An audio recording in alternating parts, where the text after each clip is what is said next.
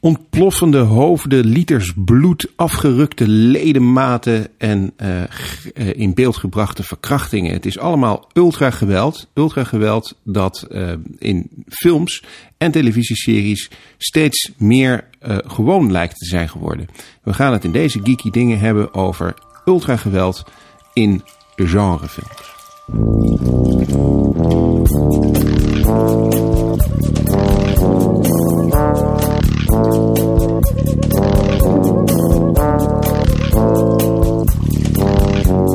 Voordat we het uh, gaan hebben over ultrageweld en uh, gaan bekijken wanneer dat nou eigenlijk uh, begonnen is. misschien was dat wel al in de Bijbel met het eerste zombieverhaal. Maar daar gaan we misschien straks nog over hebben.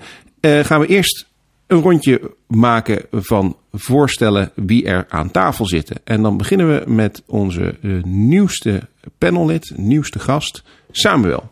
Kun jij vertellen wie je bent en wat je doet? Zeker, ik ben uh, Samuel Gerrits. Ik um, schrijf tegenwoordig voor tijdschriften, kranten en websites um, over populaire cultuur en over religie. Uh, dat laatste omdat ik uh, tien jaar lang zo ongeveer jongerenwerker ben geweest, verbonden aan een kerk, um, waarin ik eigenlijk heel vaak een soort van vertaalslag probeerde te maken van leuke bloederige verhalen naar het nu. Ja. en ik ben ook een geek. ik had het ik dacht even na over wanneer dat begon. En dat is denk ik uh, in de middelbare school bij het kopen van X-Mannen en X-Mannen Special in de tijdschriftenhandel. En sindsdien uh, lees ik uh, vrij veel comics, verslind ik series, kijk ik films en um, dat soort dingen. Okay. Ja. En in het vertaalwerk ben je dus eigenlijk een soort moderne Mel Gibson. Oei. Over torture porn gesproken. Ja. ja. Nou, daar gaan we het misschien straks nog over ja, Of the Body Christ. Dat is wat vriendelijker. Toch de Body Cries van Kevin Smith. Ja. Toch maar, yes. Ja. Dat was Michael. Michael uh, is een vast panellid, dus die gaan we niet meer voorstellen. En uh, Linda. Goeie, um, hallo. Je mag niet goedemiddag of zo zeggen. Mensen kunnen het op ja. ieder moment van de dag luisteren. Goeie ik, podcast. Ik, ik, deed, ik deed de Universiteit van Nederland. En dan mag je dat dus heel erg niet zeggen. Want krijg je helemaal de instructie. Ja, mensen kunnen het op ieder moment uh, terugkijken. Dus mag je absoluut niet goede avond of goede middag zeggen. Goedendag deel. Goedendag deel. Goedendag deel. Aangenaam dagdeel. Ik vind het al irritant als je een winkel binnenloopt en je zegt goedemorgen. En dan is het net vijf, na, vijf minuten oh, ja, na twaalf. Goedemiddag hoor. Ja, ja, dat je denkt van oh zak erin. Ja, ja. precies. Um, Zoals iedere aflevering gaan we deze week ook weer even uh, doornemen wat er de afgelopen tijd allemaal is gebeurd. Uh, wat we bekeken hebben, wat we leuk vinden, wat we minder leuk vinden. En volgens mij is Michael uh, naar Imagine geweest. Ja, ik heb tien dagen lang, nou bijna tien dagen lang Imagine gevierd. Het is een genrefestival, het festival van de genrefilm. Eigenlijk het festival van de genrefilm in Nederland en omstreken vind ik. Ik vind het een heel fijn festival. In Amsterdam in AI. Dan heb ik daar hele leuke films gezien. De openingsfilm was bijvoorbeeld The Isle of Dogs. Ja, Wes tweede, Anderson. Ja, de tweede stop-motion film van Wes Anderson. Van natuurlijk The Fantastic Mr. Fox onder andere. En de Royal Tenenbaums. ja, ja, precies. En um, The Live Aquatic with uh, Steve uh, die ik heel erg tof vind. Ik vind ze allemaal wel tof. Mm -hmm. Maar The Live Aquatic vind ik eigenlijk wel het tofste van de Wes Anderson. Super hoe, ook. hoe heet die ja. laatste ook alweer? Over dat kamp? Moonlight Kingdom. Oh, ja. Moonlight Kingdom, oh ja, dat vond ik ook ja, super die was ook leuk. leuk. Met die kids die dan van, ja, dat was ook leuk. Maar ik weet niet waarom ik de Live Aquatic precies zo tof vind, maar ik denk... Bill Murray. Ja, dat sowieso. Maar Willem ook dat, Dafoe. Dat, die, die doorsneden van die boot of zo. Ja, dat soort shot. Prachtig. gek, ja. Nou, deze was ook heel leuk. Dit gaat over de corrupte burgemeester Kobayashi van uh, Nagasaki. Die heeft een hekel aan honden. En alle honden worden verbannen van het eiland omdat ze een ziekte zouden verspreiden. Oh, is dit de film ook waar... Uh, want hij, Anderson kreeg toch ook het verwijt dat hij culturele toe-eigening had gedaan. Omdat hij een film over Japan mm -hmm. maakte om, zonder dat hij zelf Japans is. Ja, hoop ophef. Ja, ja, ja hoop was gedoe. Over, ja. uh, dus kennelijk mag je als niet-Japanner geen uh, film meer maken over Japan. Er zit heel veel Japan zit er ook in. Dat is ook heel grappig en dat wordt dan ondertiteld. Ja. de honden spreken gewoon Hollywoods, dus gewoon Amerikaans. En het is ook allemaal Hollywood-sterren. Scarlett Johansson, uh, Bill Murray, Edward Norton komen voorbij. Maar goed, al die honden zitten dus op een eiland en de 12-jarige adoptiezoon, Atari heet die, want er is ook heel veel popculturele verwijzing in, die gaat zijn hond terughalen. En daar gaat die film eigenlijk over. Eh, sommige mensen denken ook, oh, het is een beetje Seven Samurai en zo. En er wordt flink gegooid met, eh, met culturele verwijzingen. Is het ook een beetje A Boy and His Dog? Of is het iets uh, Dat weet ik niet, kindvriendelijker? want die heb ik, eh, die- heb ik niet gezien. Er zitten wel wat nare dingen in, maar het, is niet, eh, het past niet zozeer bij het geweldsthema vandaag. Eh, ook al zijn sommige honden, sommige honden best wel hebben flinke tanden, zeg maar. en wat heb ik nog meer gezien? Eh, ik heb Dan Hassler Forrest gezien, ons eh, onzichtbare panellid. Maar Hij die, bestaat echt. hij bestaat echt live. Eh, die gaf een lezing over waarom representatie nou eigenlijk belangrijk is in de genrefilm dan in het bijzonder. Boring. En wat heel erg en wat heel erg tof was. Dan was ook heel tof. Maar er was een masterclass over remakes van regisseur Peet eh, Gelderblom. Die heeft eh, reclames gemaakt, maar ook heel veel toffe mashups. En deze staat ook op rogerebert.com sinds deze week. En hij keek eigenlijk naar alle verschillende versies van Invasion of the Body Snatchers. En vertelde daar wat die, wat die remakes dan verschillend maken. En, Oh, en, en, waar je nou op moet letten bij remakes. Dat was heel erg tof. En heel erg speels. Maar de film die een beetje mijn hart heeft gestolen van... De, ik heb namelijk niet zo heel veel films gezien, maar een paar... omdat ik meer het, randprogramma heb gevolgd, was eh, Junkhead. Dat is ook een stop-motion animatiefilm. Eh, Die is ook heel erg gehoogd, geëindigd in de, in de telling, zeg maar, voor de Silver Scream Awards. En het is een, een film van de Japanner, eh, weer Japans toevallig, Takahide Hori, als ik het goed uitspreek. Maar ik wil niks appropriëren hier bij deze, dat het even duidelijk is. En die heeft de hele film in zijn eentje gemaakt. Die heeft gewoon van 2009 tot 2017 aan deze animatiefilm ge- gewerkt. En, het, en hij heeft alleen een klein beetje hulp gehad hier en daar. Maar in 2013 heeft hij een half uur versie op YouTube gezet. En toen kwamen er allemaal investeerders van... nou, we willen je geld geven om die film af te maken. Zeiden nee, dat wil ik niet. Ik wil niet. Want als je geld aanneemt, dan geef je ook invloed af. Dus fuck die shit, hoe ze dat ook in Japan mogen zeggen. Dus hij heeft het helemaal zelf afgemaakt. Daarom En- is onze podcast ook geheel onafhankelijk. Juist, omdat we geen geld aannemen.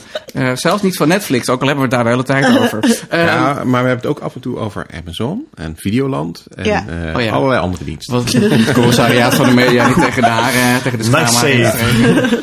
En ehm, het laatste film die ik nog wilde noemen was Incident in a Ghostland van Pascal Lo- Logier. Eh, dus het, hij zou bij je op visite kunnen komen, zeg maar, bij wijze van spreken. En ehm, de- van Martier had hij eerder gemaakt. Ja, En het gaat over twee vrouwen zijn de hoofdrol, twee tienervrouwen eigenlijk. net als in Martier. Ja, die gaan dus in een huis wonen van een overleden tante met hun moeder. En dan komen er twee hele gevaarlijke gasten aan de deur. En helaas een travestiet en een, en een debiel, om het zo te zeggen. Iemand met geestelijke vermogens, lage geestelijke vermogens. Dus dat is wat clichématig. Ehm, eh, maar ik vond hem wel eh, heel goed gefilmd. Eh, en de, en de acteur, actrices waren goed, want die worden echt wat door de mangel gehaald. En die past dus wel bij eh, behoorlijk ruw geweld, zeg Ja, maar. maar, maar Martier op zich ook. Hè? Dat Ja. is een behoorlijk ultra gewelddadig Het is film. ook niet iets geen kinderuurtje, nee. Nee. Nee, zeker niet. Dus, ehm, dus die, die hakte er bij mij wel in. omdat het wel heel goed gedaan wordt. En voor de liefhebbers, Lovecraft komt ook nog even voorbij. Ah. Dus dat is wel weer leuk. Dus het was wel een speelse film. Maar eh, ik zou hem niet kijken als je heel erg gevoelig bent voor eh vrouwonvriendelijk geweld. Linda, wat is jou de afgelopen twee weken opgevallen? Nou ja, ik was dus eh, op Cuba. En eh, wat daar eh, opvalt, sowieso, er is daar geen reclame. Dus dat, dat, gaat het goed, Michael? Michael Ja. laat iets vallen en ik knoeit als een thee hier. Eh, er, er is nergens reclame. En eh, het land is heel erg lang verstokt geweest van Amerikaanse popcultuur. eh, omdat dat gezien werd als Amerikaans imperialisme. Ehm, dus ik sprak ook mensen die eh, pas heel laat in hun leven popmuziek hoorden. Ja. En die is ook heel laat pas voor het eerst Star Wars eh, zagen. Dus dat, dat vond ik heel eh, grappig. En het internet is daar heel slecht. Dus mensen die geven. Ja, af en toe komt er dus iemand die in het buitenland is geweest. Die heeft dan een USB-stick. Waar allemaal nieuwe muziek en films Ja. opgezet worden. En die worden dan dus onderling gekopieerd. Zodat mensen dat kunnen zien. Dus een soort file sharing, maar dan zonder internet.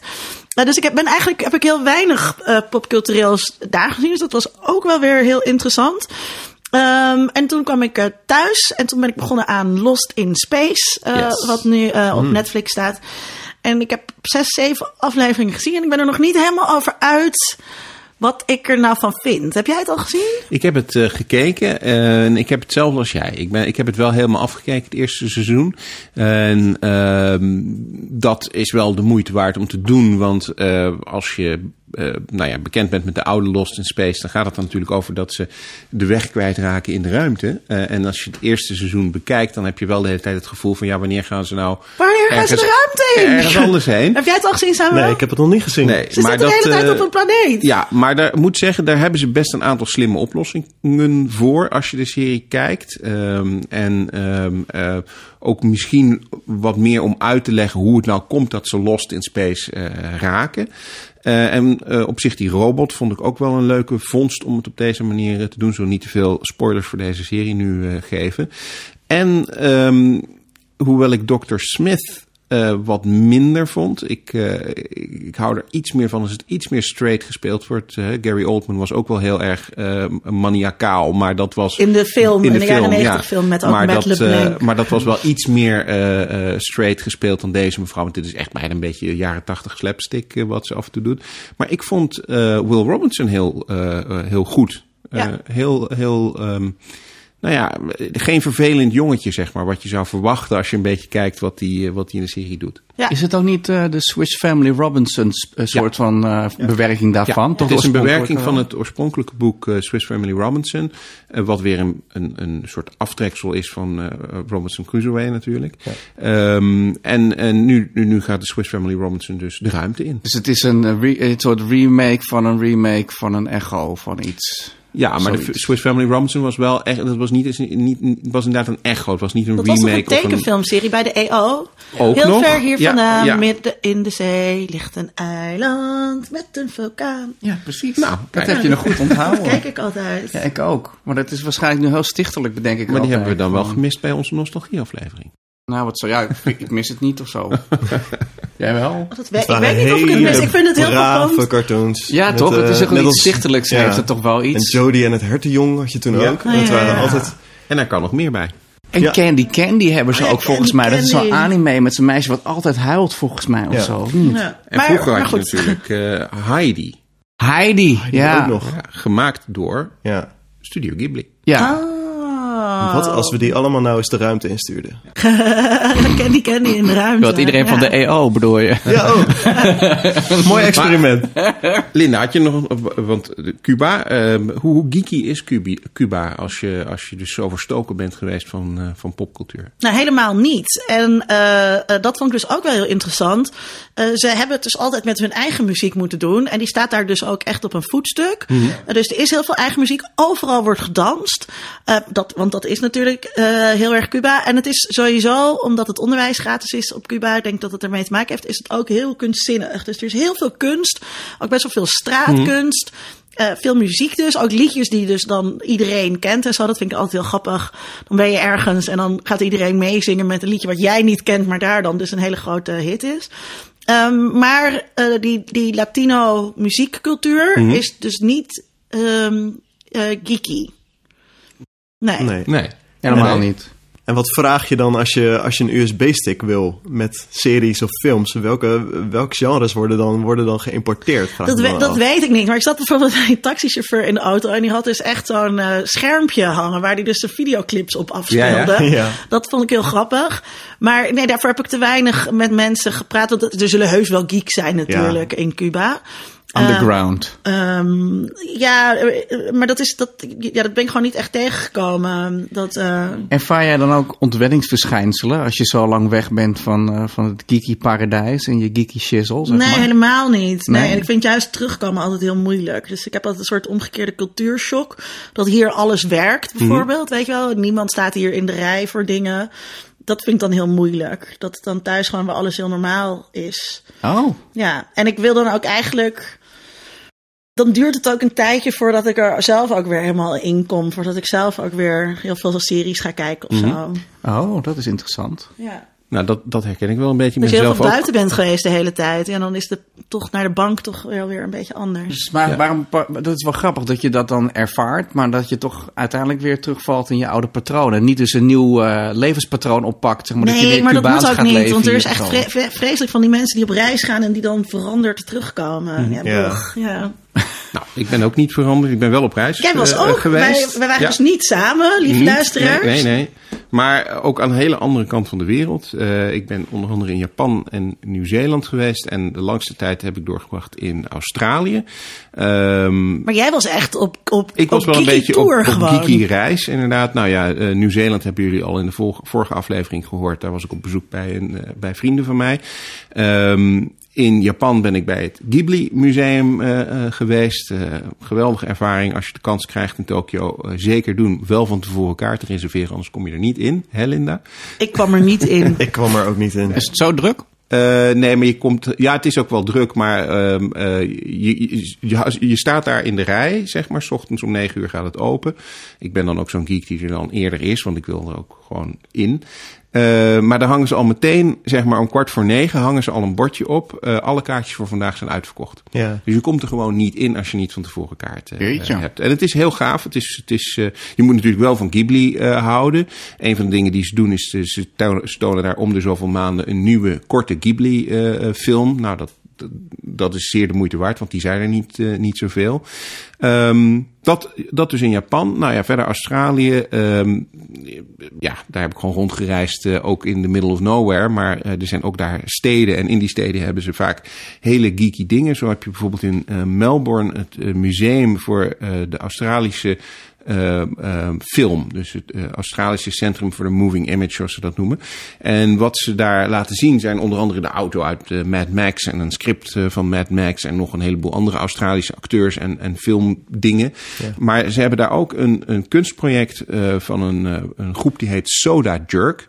En die hebben een film gemaakt die is samengesteld uit fragmenten van andere Australische films.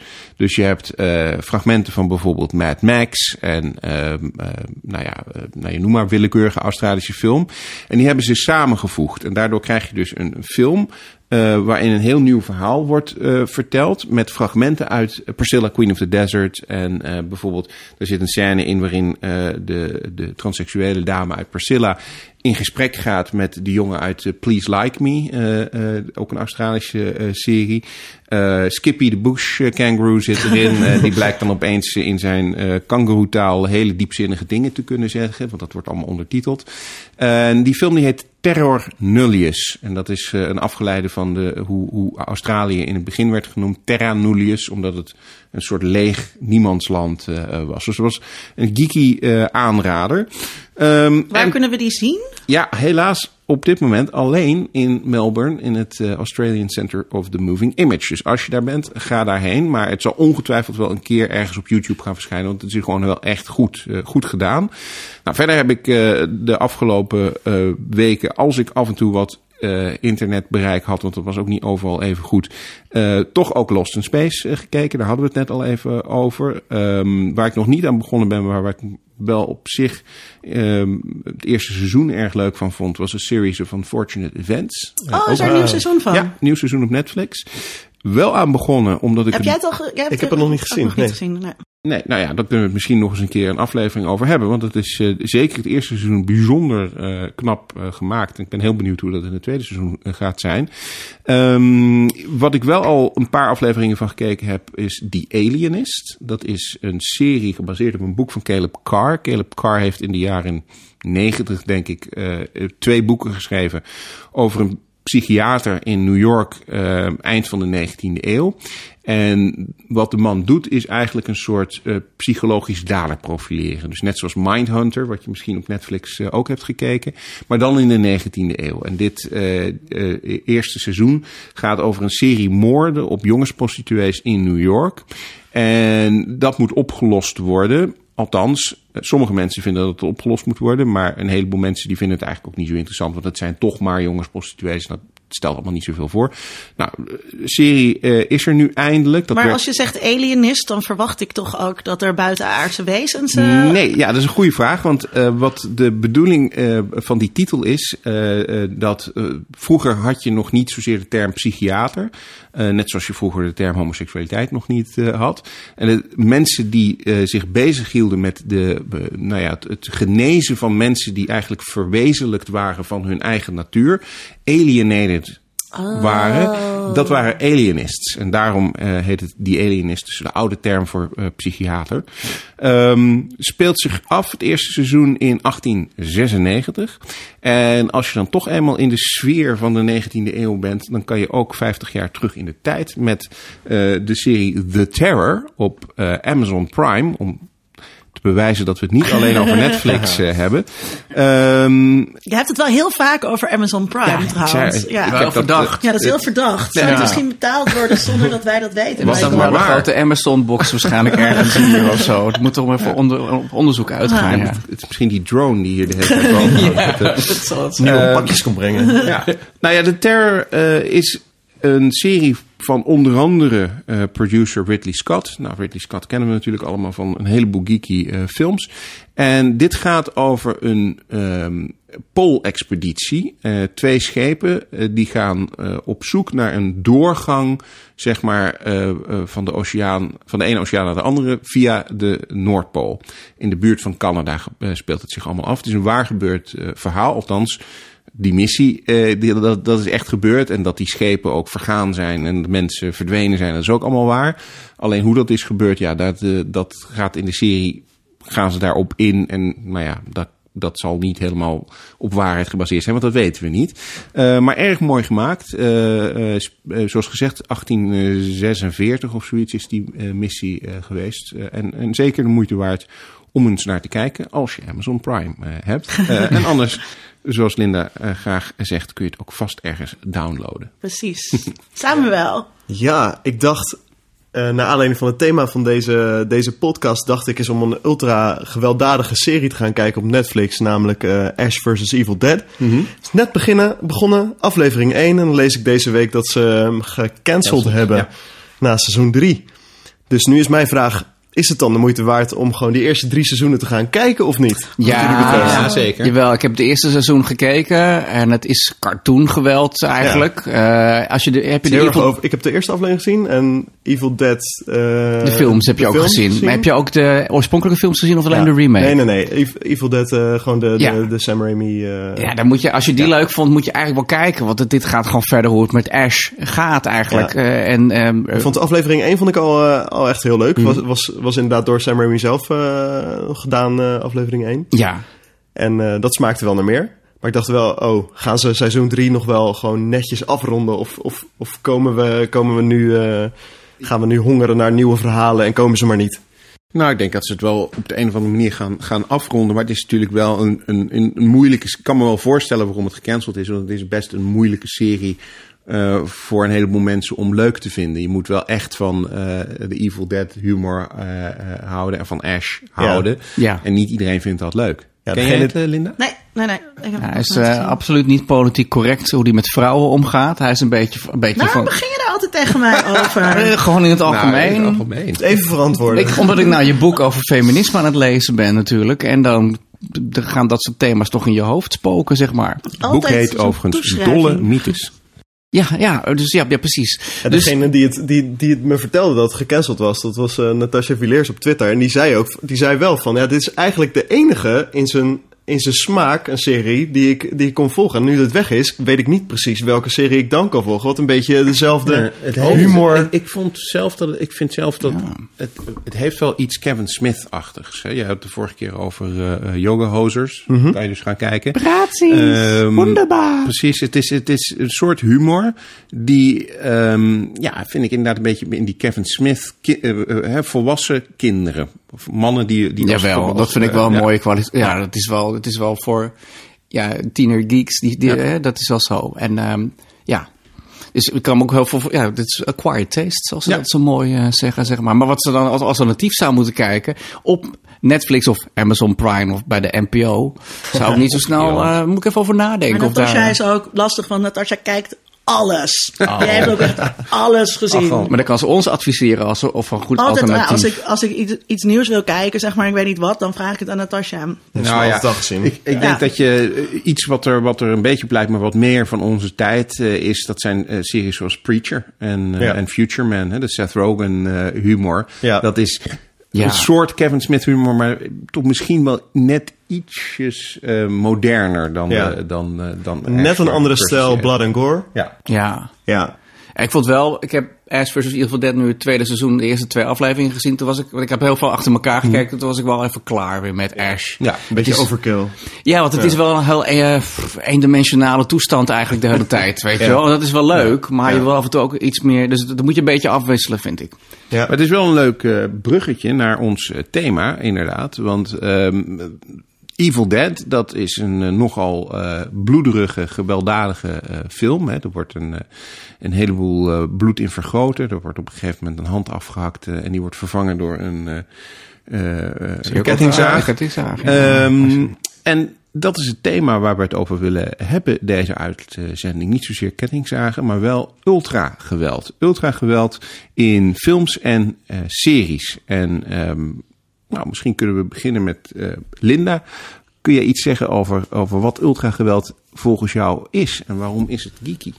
Ehm, ik, ik denk eh, dat ult- ultrageweld als term bedoeld is om het onderscheid te maken met gewoon geweld. Want er zit natuurlijk in televisieseries zat altijd al eh, veel geweld.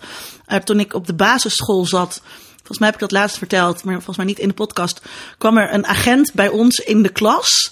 Eh, eh, en dat was de tijd van series als Miami Vice ehm, eh, en de A-Team. En die agent kwam in de klas vertellen dat het heel erg is als je iemand neer moet schieten. En dat je dat niet ja, in de koude kleren gaat zitten.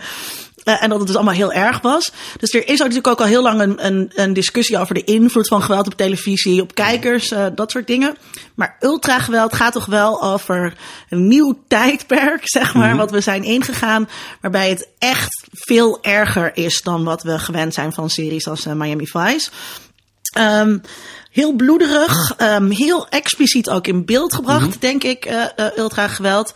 Eh, niet alleen mannen tegen mannen, maar er zijn natuurlijk ook allerlei vormen van ultrageweld die over seksueel geweld gaan. Wat ook best wel ehm, eh, eh, ja, heel direct in beeld gebracht wordt. En ehm, dus ik denk dat, het, dat we het daarom ultrageweld noemen, om dat onderscheid te maken. En dan is natuurlijk een interessante vraag. Waarom hè, is dat zo toegenomen, dat, dat eh, geweld, of waarom zien we dat? Dan Hessler Forrest, daar is hij weer. De onvermijdelijke. Eh, die, de onvermijdelijke. eh, die heeft een mooi artikel geschreven over eh, Game of Thrones. En hij maakt een vergelijking eigenlijk met gentrificatie. En gentrificatie, dat is het proces in steden eh, dat ehm, eh, allerlei hippe mensen in zeg maar wijken gaan wonen die voorheen ruig waren. De rafelranden eh, een beetje. Eh, en dan is het cool en hip om daar te wonen. En het zijn vooral redelijk welgestelde mensen die dan die buurten gentrificeren. Ja. En hij zegt bij eh, betaalzenders, eh, zoals HBO, die mikken, zich, die, mikt, die mikken natuurlijk op een draagkrachtig middenklasse publiek. En die lok je eigenlijk met dus extreem veel geweld en veel seks ook. Game of Thrones is daar dus een prachtig voorbeeld van. Eh, en dat geeft dus het gevoel dat je een beetje ruig bent, dat het een beetje vuig is, dat er iets gritties eh, aan zit. Hè. Kijk mij eens eh, hip en cool zijn, dat ik dat kijk. En, en daar bedien, dat wordt dus bediend door die betaalzenders. En ik denk dus ook ehm, het, op normale netwerken, hoe zeg je dat? Eh, ja, network TV. ehm, wat gewoon iedereen zeg maar kon kijken als je cable had in Amerika. eh, die zijn afhankelijk van adverteerders. Ja. en Ja. eh, dan kan dat gewoon minder. En op het moment dat je betaalkanalen hebt, kan je dat dus op die manier aanbieden. Dus het, daarmee wordt toegang tot ultrageweld ook een soort van iets exclusiefs. Mhm. Misschien nog even iets over, over die, die, die geschiedenis van, van ultrageweld. Ehm, wat je in een, met name natuurlijk hebben, want onze, onze entertainment eh, komt vooral uit de Verenigde Staten, althans eh, zeker in, in West-Europa. Ehm, tot de jaren 70 ongeveer zag je niet zo heel extreem geweld eh, in films die in de bioscoop werden uitgebracht. En zeker niet op de televisie. En dat had te maken met ehm, ratings eh, die, er, die er waren. Er was een code waardoor je bepaalde dingen wel en bepaalde dingen niet in beeld kon en mocht brengen. Dat De heette Hays-code. Hays-code, inderdaad. Daar kan Michael misschien zo meteen nog wat, eh, wat over eh, zeggen. Nou, die Hays-code die is op een gegeven moment afgeschaft. Dat heeft van alles te maken met wat er op dat moment cultureel ook in de Verenigde Staten aan de hand was. We hadden Vietnamoorlog en allerlei andere dingen. Heel veel geweld op het journaal. En een van de argumenten die gebruikt werden was: nou ja, als ik de televisie aanzet en mijn kinderen voor het journaal neerzet, dan zien ze meer geweld dan dat ze in de bioscoop kunnen kijken. Dus waarom zouden we dat niet wat meer vrijgeven? Nou, dat is inderdaad gebeurd. En vervolgens zie je dan dat er films komen zoals bijvoorbeeld Jaws. Hè, Steven Spielberg, die dan een horrorfilm uh, maakt waarbij je echt het bloed ziet. Waarbij je ook echt nou ja, afgerukte ledematen en dat soort dingen ziet. Wat je daarvoor niet zag. En als we dan nu terugkijken naar Jaws, dan is het allemaal nog redelijk netjes en, en bedaard. Maar voor die tijd was dat vrij schokkend. De term ultrageweld komt volgens mij, ik ben, er een beetje ingedoken, maar volgens mij is het gewoon afkomstig uit Clockwork Orange. Hè. Clockwork Orange, het boek, maar ook met name de film natuurlijk, waarin ook gesproken wordt over ultrageweld. Een film die zich ook in de toekomst afspeelt, waarbij hè, eigenlijk onze maatschappij, zoals die dan in hun beleving uh, zou moeten zijn geweest, um, wordt, wordt weergegeven. Um, Hayes Code. Ja, daar heb ik eigenlijk, wat dat heb ik natuurlijk niet voorbereid. Dan zou ik er even ingedoken zijn. Ik heb het wel met filmwetenschap gehad, maar dat is echt wel a long, long, long time ago in a galaxy far away. Nou, hier om de hoek toevallig, maar goed, maakt even niet uit verder. Maar dat is wel uh, een van die zelf opgelegde censuurzaken uh, die je ook bij comics bijvoorbeeld uh, ziet. En, ja, um, code. Ja. ja, weet je wel, de Comics Code Authority en zo. Ja. En het is eigenlijk een beetje Wat? zelf... Sorry? De, de, Comics Code Authority, de, die is in de jaren 50 weer in het McCarthy-tijdperk weer opgeroepen. En toen werden ook heel veel comics met horror werden verboden en dat soort dingen. En toen zijn de uitgevers zelf met een code begonnen om te zorgen dat ze niet uh, gesloten werden door de overheid. Zelfregulering. Ja, en uh, volgens mij is de Hays Code ook, uh, als ik het goed heb hoor, maar dat is wel lang geleden. En op een gegeven moment wordt het dan gelukkig losgelaten. Um, en je ziet inderdaad in de jaren 70 Sam Peckinpah, moet ik gelijk aan denken, Bonnie en Clyde, dat soort films. Dat echt, ja. En de, de, echt wel dat de kogels rond je oren vliegen. En nu hebben ze in Hollywood de R-rating ontdekt, dankzij films als Deadpool en Logan. Mm -hmm. Maar wat heel erg interessant is, het staat los van de Hays Code, maar dat zei René Appel op Imagine, die gaf een, een lezing, of eigenlijk een workshop, uh, spannende verhalen schrijven. Hij is uh, psychologische thriller schrijver. En ik ben daarbij gaan zitten, mm -hmm. want ik wil zelf ook wel weer spannende verhalen schrijven. En die had onderzoek gedaan naar het geweld in de thrillers, in, in zijn genre. En dat is in de afgelopen jaren ook veel explicieter geworden op papier. En ik denk dat het komt omdat onze hele maatschappij uh, weer verhardt. Uh, dit is een beetje psychologie van de koude grond. Maar wat eigenlijk geldt, wat je net zei over televisiegeweld. Het is natuurlijk, uh, de, de, de onthoofdingsvideo's vliegen rond je oren, ja. bij wijze van spreken, op Facebook en waar dan ook allemaal. dus het is allemaal wel wat harder geworden. En op de een of andere manier kunnen we gewoon meer hebben. Ja, ik vind dat een beetje plat. Vind je dat te makkelijk? Ja, dan ga ik, dan ga ik meer mee met, met Dan's verklaring. dat. dat um uh, dat, het, dat het meer te maken heeft met die, met die politieke economie die daarachter zit, dan met dat het een reactie is op de samenleving of zo. Hmm. Nou ja, het is natuurlijk op zich wel, als je het vergelijkt met de jaren zeventig, dat, dat de idee van je kunt op televisie, of in dit geval een YouTube of wat dan ook, de meest gruwelijke dingen Hmm. uh, bekijken. En uh, dat doen kinderen tegenwoordig ook.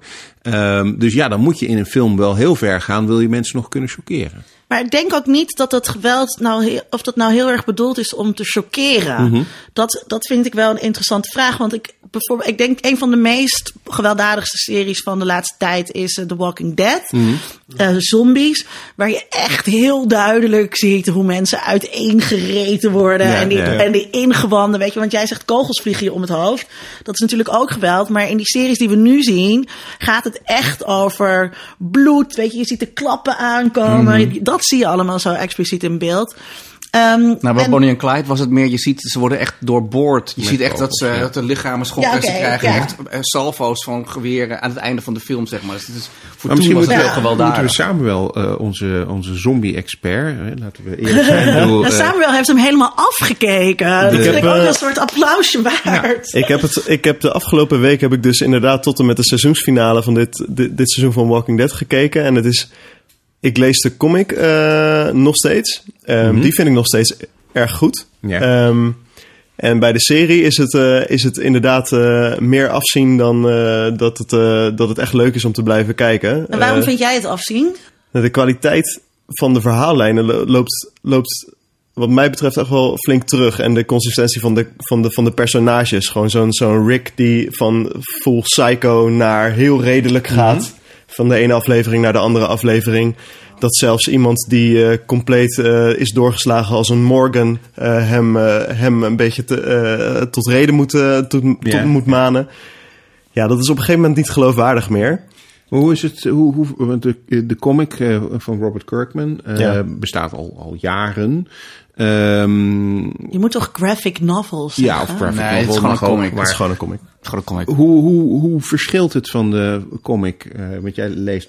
Nou, het, is, het, het is qua toon wel redelijk toonvast. Mhm. Ehm, eh, je, je, hebt, je hebt zoals bijna elke goede eh zombiefilm of serie... heb je gewoon te maken met mensen die erger zijn dan zombies. Mhm. Ehm, en ehm, ja, te maken met alle vraagstukken die je dan krijgt... van hoe moet je overleven in een wereld waarin, je, eh, waarin iedereen, iedereen voor zich is. Alleen zo'n Kirkman houdt gewoon zijn, zijn, zijn personages gewoon eh, heel goed eh, Mhm. op één lijn. eh, vanaf begin tot eind heeft gewoon een goede verhaallijn in zijn hoofd. En je merkt dat die showrunners van The Walking Dead gewoon eh, van de ene, van de ene kant naar de andere kant vliegen. Maar dat En is dat echt... stoort. Eh, Mhm, maar- Ergens halverwege die serie is dat gebeurd. Ik vond de eerste paar seizoenen heel erg sterk. En wat jij zei over dat, dat chockeren. Mhm. ehm, eh, ik heb een keer een stuk voor de Volkskrant geschreven over eh, The Walking Dead. Mhm. Eh, en wat The Walking Dead ons nou eh, leert. En, en dat eh, had als titel meegekregen: Gruwelseries brengen normen bij. Ja. Oké. Eh, en eh, wat ik toen, hoe ik het toen analyseerde, is dat het heel erg ons allerlei vragen doet stellen. Dus dat, dat, dat ontzettende geweld. En dus vooral het, het eerste seizoen waren maar vijf afleveringen, heel goed gemaakt. Ja. Ging echt over het trauma dat je oploopt als jij je vrouw eh, voor, voor je neus tot zombie hebt zien worden. En zij probeert jou nu op te eten. Weet je, wat doet dat met de mens? En dat, dat, eh, die, dat, die vraag wordt dus bij de kijker neergelegd. Eh, en daarvoor moet je dus eigenlijk ook wel zien hoe gruwelijk het is dat zij ja. zombie is. En hoe vreselijk het is om opgegeten te worden. Ja. dat, Ja. je dat, dat je dat echt niet wilt. Dat is ook Maar wel wat tof. wel interessant Ehm, is. dat, dat zit dus in, in die seizoenen, zeg maar. Hè? Dus eh, ehm, eh, dat, dat eerste seizoen gaat dus over die, die psychologische horror. De tweede vraag gaat dan over wat maakt ons an- Het tweede seizoen gaat over wat maakt ons anders eh, dan zombies. En moeten we niet voor een zombie even humaan zijn als voor een psychiatrisch patiënt, ja. bijvoorbeeld. Derde seizoen ging meer over hoe nieuwe gemeenschappen zich tot elkaar verhouden. Maar op een gegeven moment zijn die lessen die je met op. zombies kunt vertellen op. En dat vond ik dus bij The Walking Dead. En toen werd het geweld om het Ja. geweld. En je kreeg toen steeds een vijand eh, die je moest stoppen. Dan had je de governor had je. Dat was, een, eh, dat was een redelijk sterke, sterke vijand met een eigen community. Waar de community van Rick en de andere hoofd- hoofdrolspelers eh, tegenover stonden. Ja. Was de governor weg. En dan eh, moet je weer een nieuwe, een nieuwe groep. eh, die eigenlijk nog wreder, sadistischer eh, Ja. is dan de vorige Ja, ja, groep. want wat jij net zei, het is natuurlijk interessant om te zien in, eh, in The Walking Dead. Eh, misschien anders dan in de oorspronkelijke zombiefilms. Kunt er zo nog even over hebben hoe de zombiefilm veranderd is in de loop eh, der jaren. Maar is dat The Walking Dead nu heel erg eh, ja, Sartre is? Hè? De, de, de hel, dat zijn de anderen. Ja. En dat zijn de mensen eh, in, in eh, de serie. En dat is misschien ook een kritiekpunt wat je wel de laatste tijd ziet. Het gaat eigenlijk helemaal niet meer over zombies en over eh, ja, wat die zombies nou allemaal doen. Maar het gaat eigenlijk alleen nog maar over hoe Ja. mensen zich tot elkaar verhouden. En dan met name dat iedereen eh, eigenlijk slecht is. Want uiteindelijk Ja. komt het erop neer. En of je zelf niet, eh, of je zelf niet een slechterik wordt. Ja, dat, dat precies. is in de laatste seizoenen steeds. wordt. Ja. Maar, dat, maar dat is dus. Eh, ik, ik ben dus gestopt met kijken naar de honkbalknuppel slechterik. Ja. Daar, daar zijn heel veel mensen afgehaakt. Ja. Die Ja. aflevering Ja. waarin ze allemaal op een rij eh, staan en Negan met een honkbalknuppel gaat Ja. kiezen wie ga ik eh, tot pijn En, slaan. en dat vond ik wel interessant. Dat op een gegeven moment heb je dus zoveel geweld gehad. En dan denk je, oh, ik, hoef, ik hoef het gewoon niet meer. Portie wel gehad. Ja, terwijl Ja. Ik, vind, ik hou er heel erg van. Ik kan me er heel erg aan verlekkeren, zeg Ja. maar. Maar toen dacht ik, ja, maar nu wordt het geweld om het geweld. En dan is het dus ook niet meer interessant. Nee. En wat jij zegt, van het gaat dus meer over die mensen. Dat komt natuurlijk ook omdat wij hebben, we hebben televisieseries waarin we diepte verwachten. En gelaagdheid en karakterontwikkeling. En al die dingen die niet in Jessica Jones zitten. Sorry. Ehm, en dat verwacht je. Maar op een gegeven moment zijn die personages gewoon uitontwikkeld. En hadden ze er een eind aan moeten Nou, wat, maken. wat interessant was aan die aflevering die je nu aanhaalt, was ook dat ehm, ik hoorde van veel mensen die toen zijn afgehaakt, dat ze eh, snakken naar een klein beetje hoop. Eh, als je gewoon eh, twee afleveringen lang extreem eh, ehm, de hoofdrolspelers hebt zien eh, vernederd worden. Dat je in zo'n wereld waarin het eh, toch al apocalyptisch slecht gaat, eh, altijd gewoon een paar zaadjes van hoop moet hebben om Ja, ja. verder te kunnen kijken. En dat Ja. was, op dat moment was het zo duister en gitzwart. Ja, maar en ik vond het dus een herhaling van zetten. Wat, je, wat jij net zei, van elke, de volgende slechterik moet nog slechter eh, zijn. Terwijl die slechterik was al heel Ja. slecht. Ja, maar dat zie je dus bij heel veel series. Dat ze, dat ze they outstay their welcome, zoals de Amerikanen Ja, zeggen. ja. Ze duren te lang Ja, en, en er komt geen nu conclusie. Heeft nu een, een, een twist eh, Ja. gebracht waarin, eh, waarin je een community krijgt die gewoon heel erg lijkt op, op gewoon eh 21ste eeuw nu. eh, met een goed lopende overheid. Eh, ja, voor zover we nu eh, kunnen zien in het verhaal. Ehm, dus dat, dat is dan net een twist die dan denkt: oh ja, dus het wordt nu echt anders. Ja. Ja, Mag ik even nog dus misschien- één ding zeggen over, over, over The Walking Dead? Ehm, eh, in wat dus wel goed was en wat gaat, Mhm. wel gaat over het thema van vandaag, van waarom kijken we er nou, nou zo graag naar? Eh, in dat derde seizoen eh, eh, zitten een soort van gladiatoren spelen. Mhm. En dan moeten de beste ja, krijgers eigenlijk, die moeten dan dus vechten tegen zombies. En die spelen die worden gehouden in een best wel kleine, op het oog redelijk vredige gemeenschap, zo lijkt het dan nog. En iedereen van de mensen kijkt dus heel erg lustig toe. En een nieuwkomer vraagt dan aan de leider van waarom organiseer je dit nou voor jouw burgers? En dan is het antwoord... We're teaching them not to be afraid. Wat een heel duidelijke clipoog is naar de kijkers. Hè? Zeg maar van waarom kijken we dat? Ja. Nou, ja, misschien kijken we het dus ook wel om, eh, om, om minder bang te zijn. Hè? Ja. Om eh, eh, geweld te bekijken, te overwegen, erop te reflecteren. eh, neemt onze angst eh, eh, misschien wel eh, af. En, en kunnen we dus allerlei vragen stellen over moraliteit en over Ja. rechtvaardigheid. Klopt. Ja. Nou ja, dat, dat zie je natuurlijk in de een ontwikkeling van, van zombiefilms ook, ook heel duidelijk. Dat er een. Hè, de, de, de motivering van de zombies, eh, die, die verandert eh, steeds. Hè? Waar je bijvoorbeeld in de eerste zombiefilms, hè, de, de Evil Dead eh, en, en dat soort dingen, of Night of the Living Dead. eh, Ja. Night of the Living Dead, om daarmee te beginnen. George Romero. Ongeveer het begin van de, van de zombiefilms. Is interessant om te zien waarom worden die zombies nou zombies. Dat heeft op dat moment te maken met een meteoriet die op de aarde terechtkomt. En daardoor veranderen die zombies in zombies. En je ziet dat het eigenlijk maar een paar zombies zijn waar de mensen tegen moeten vechten. Nou, eh, wat je nu ziet in de ja- vanaf de jaren 90, 2000, is dat die reden waarom mensen zombies worden, die zijn heel, veel- heel erg anders geworden. Zijn veel meer heeft dat te maken met het milieu of met virussen, met, zeg maar met de dingen waar we nu bang voor zijn. hè, Ja, er zijn we- heel erg veel think pieces geschreven over. We zijn nu een beetje weer over het zombie hoogtepunt heen, denk Ja, ik. Maar we hadden tijd dat die zombies dus echt heel in waren. Toen was er ook trouwens weinig science fiction. Hmm. En nu is er weer veel science fiction. Eh, eh, en in al die think pieces komen dus allemaal dit soort dingen aan bod. Dus ook wel eens, zijn ook wel eens vergeleken met asielzoekers. En zo'n Ja, beetje elke bevolkingsgroep ja. is, is wel tot, eh, tot zombie gemaakt. Dus dat is dan ook wel weer eh, heel typisch als cultuurbeeld. Iets anders nog even, want je zei eh, van ja, dat geweld, is het nou geweld om geweld? Vinden we het gewoon leuk om geweld te zien of heeft het ergens anders mee te maken? Ehm, voordat we het zo over Game of Thrones nog weer gaan hebben, Quentin Tarantino. Hè, Quentin Tarantino maakt eh, eh, films en die zijn allemaal behoorlijk eh, gewelddadig. Ja. En ehm, waar dat bijvoorbeeld in eh, Reservoir Dogs, ehm, denk ik, je zou kunnen zeggen dat het bijna een soort verheerlijking van geweld is. Hè, waarbij je eh, met een geweldig leuk muziekje iemands oor af, eh, afsnijdt. Wat overigens niet in beeld gebeurt. Klopt, maar wat heel veel mensen denken. Hetzelfde Ja. met Psycho. In Psycho zie je niks, maar die, die denkt dat je alles eh En dat ziet. is dus het verschil met ultrageweld. Ja, want dat zie je net wel. dus wel. Ja. Ja. Nou, En ik wil het ook. Hebben jullie dat niet? Heb jij dat niet? Dat- je het wil Dat zien. je het wil zien? Nee, Nou ja, ik, ik, daarom- het verschil. Daarom ben ik dus heel benieuwd even om Tarantino als, als voorbeeld te nemen. Want in Tarantino zit dus heel veel van dat geweld. En inderdaad, in, in, in de eerste films, als je daaraan terugdenkt, denk je dat je van alles hebt gezien wat je niet hebt gezien. Maar als je de Hateful Eight neemt, dat is een film eh, waarin het geweld wel degelijk in beeld eh, wordt gebracht. eh, heel expliciet in beeld wordt gebracht.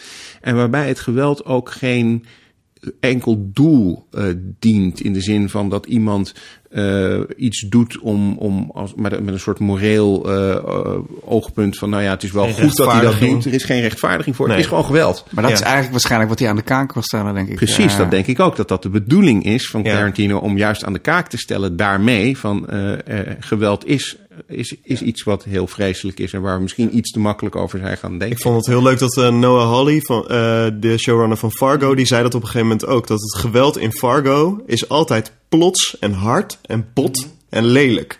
En eh, dat wilde hij ook expres zo doen. Ja. Je mocht er niet van genieten. Je mocht niet daarnaar kijken en denken, oh lekker. Ja, Ja, ja. maar dat heb ik eigenlijk nooit. En eh, ik heb de Punisher natuurlijk gekeken, Mhm. bijvoorbeeld eh, als Marvel-liefhebber. Ja. Het ging mij daar af en toe wat te ver. Eh, Ik ga toch even, we- we zeggen altijd spoiler alert en al dat soort shit aan het begin Mhm. van de uitzending. Maar dit is de zevende of zo, dus mensen weten inmiddels wel dat, eh, dat er wel een beetje, ja, dan ook wat, wat, dat we een beetje spoilers Oh ja, doen. ja. En in het einde dan komt hij eigenlijk met de schurk oog in oog. En die heeft heel wat rottigheid uitgehaald in het leven van Frank Castle. Dus hij is behoorlijk pissed off. En dat snap je. Ja. Maar dat hij dan eh, uiteindelijk dan zijn eh, gezicht tegen een gebroken ruit of spiegel eh, duwt. En het gaat maar door. En het Ja, gaat maar duwen, door. ja.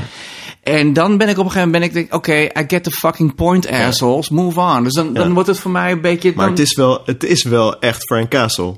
Dit is, dit is wel echt trouw aan de... de Ja, dat ben ik met je eens, maar het is anders dan wanneer ik het getekend zie in statische eh, Ja. stripplaatjes. Maar waarom vind je dat anders? Omdat het een tekening is die niet live action is. Live action is heel, heeft een heel andere, een andere impact. impact. ja. Ik zal je nog een voorbeeld geven. Logan, de, film, eh, de, de toffe Wolverine film die vorig jaar uitkwam. Zeer gewelddadig. Zeer gewelddadige Ja. film. En daar had ik het ook. En Ja. terwijl ik weet, Wolverine heeft eh, adamantium klauwen. En die hakt, eh, die sliced en diced eh, Ja. door de strips ook. Maar nogmaals, Ja. een getekende Het is geen fotorealistische strip. Was het bij Wolverine misschien ook omdat er kinderen in die eh, film zitten? Nee, dat maakt me geen bal uit. Eh, daar heb ik helemaal. en Ik vond trouwens dat meisje, Daphne Keen, heeft ze Daphne nog iets? Daphne Keen, geloof ik, heet ze, die actrice. Die is eh 10 of 12. Die doet een, een mini Wolverine, zeg maar. Ja. Deze is fantastisch. En Ja. je weet dat ze geen stuntmensen kunnen doen op haar plek. Dus ze doet allemaal s- zelf zoveel mogelijk, denk ik.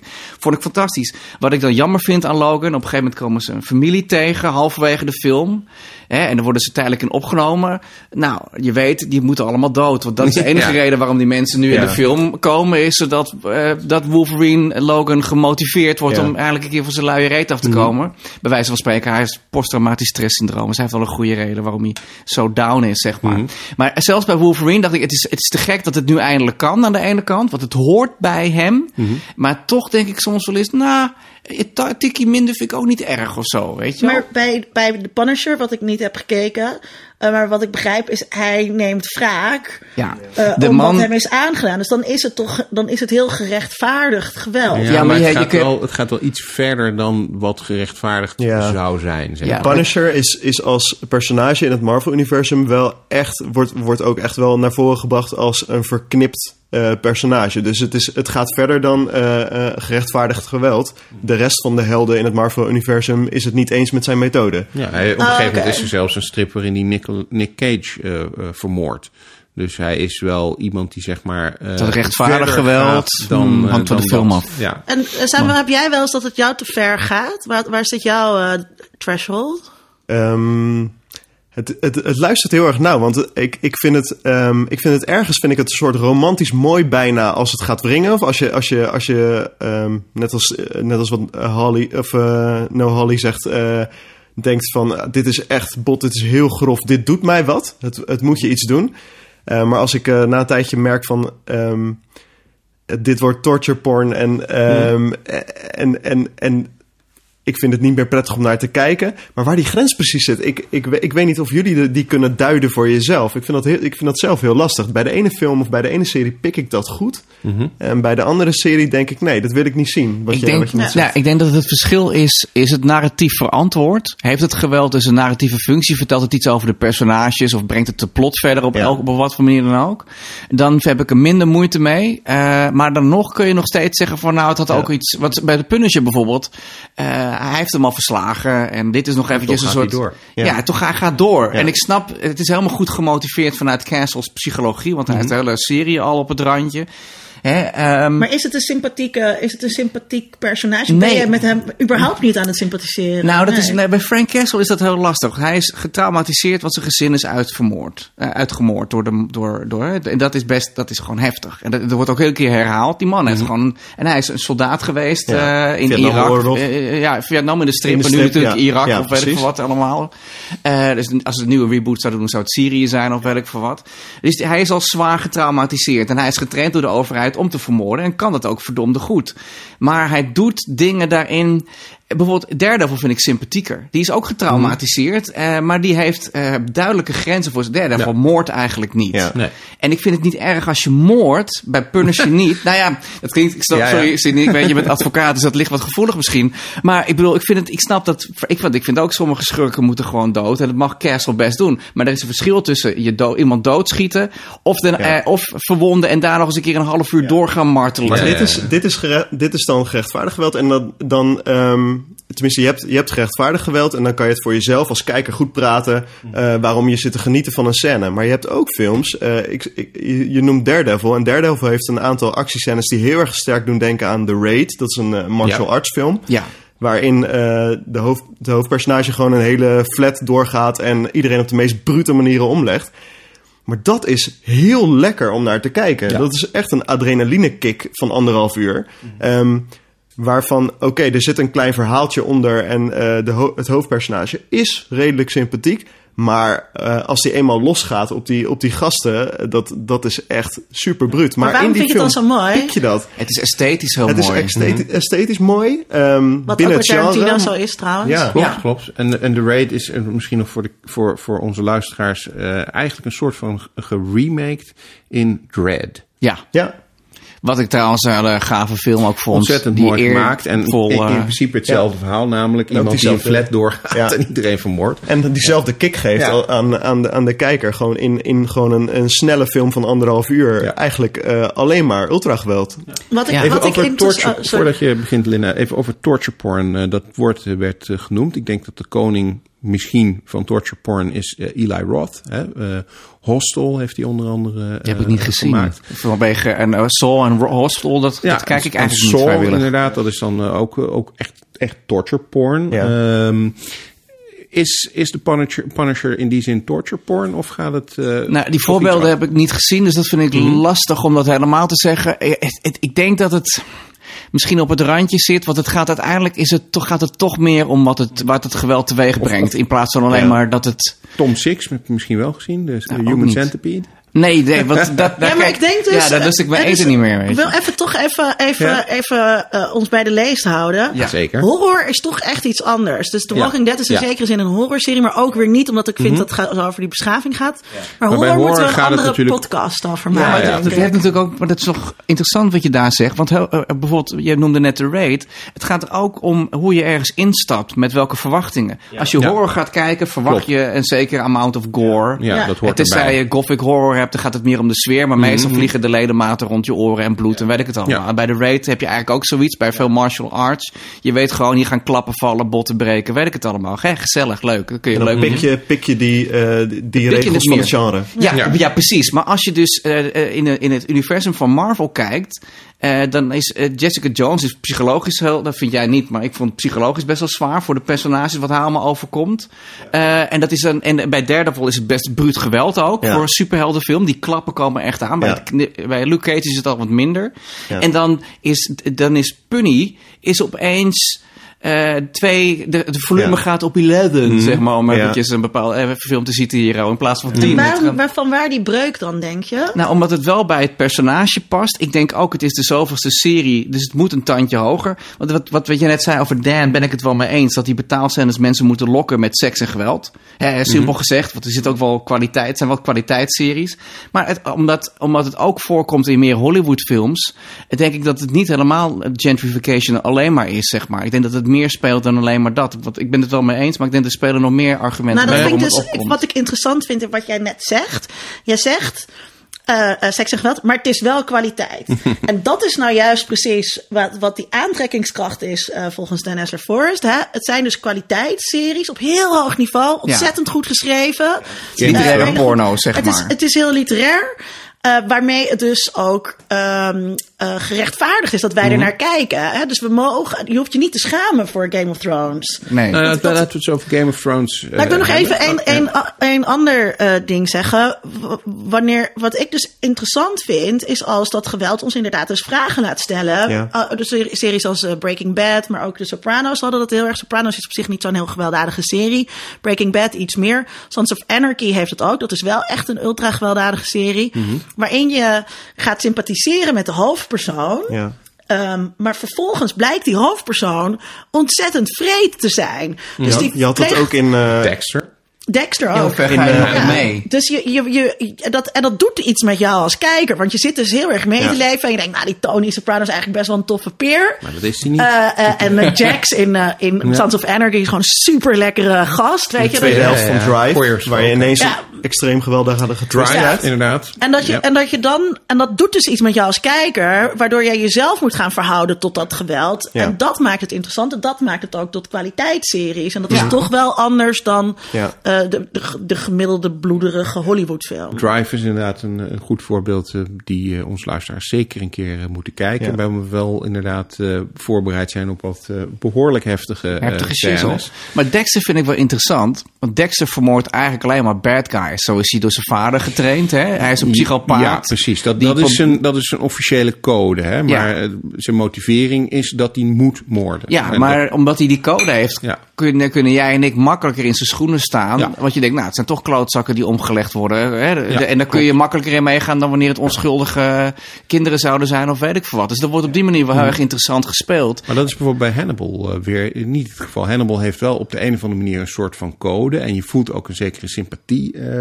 met hem. Ja. En zeker natuurlijk in de, eh, nou ja, de eerste film Silence of the Lambs. Maar ook in de serie eh, Hannibal. En de andere films kun je wat over twisten hoe goed die nou zijn. Eh, maar eh, als je kijkt naar de serie... Het is heel opmerkelijk, vind ik, in, eh, in- in die serie... dat je inderdaad de hele tijd laveert tussen een soort van sympathie voor Hannibal... en een soort van, ja, maar dit is echt, dit kan gewoon niet wat je doet. Het kan natuurlijk ook absoluut niet wat hij doet. Wat vonden jullie van Hannibal? Ik heb de serie nog niet gezien. Die staat nog steeds op mijn lijst. Ik heb de films wel gezien, eh, het merendeel. Behalve de eerste van eh, Michael Mann Manhunter, eh, geloof ik. die uit ja, ook- 85. Mhm. Die eerste versie aardig. heb Ja. ik nog niet gezien. Ik, maar kijk, het is, ook, het is ook de acteur die ze daarvoor Mhm. casten. ehm, en en die, is zo die heeft zijn charme van zichzelf. En het is een reden om naar hem te kijken. Ehm, en, en, en, en is bij hem het argument ook niet gewoon dat hij eigenlijk eh, ziek in zijn hoofd is. Dus dan vergoeilijke uh, daden soms. Omdat iemand er niks aan kan doen dat hij zo is. Nou, voor, voor Hannibal is het denk ik.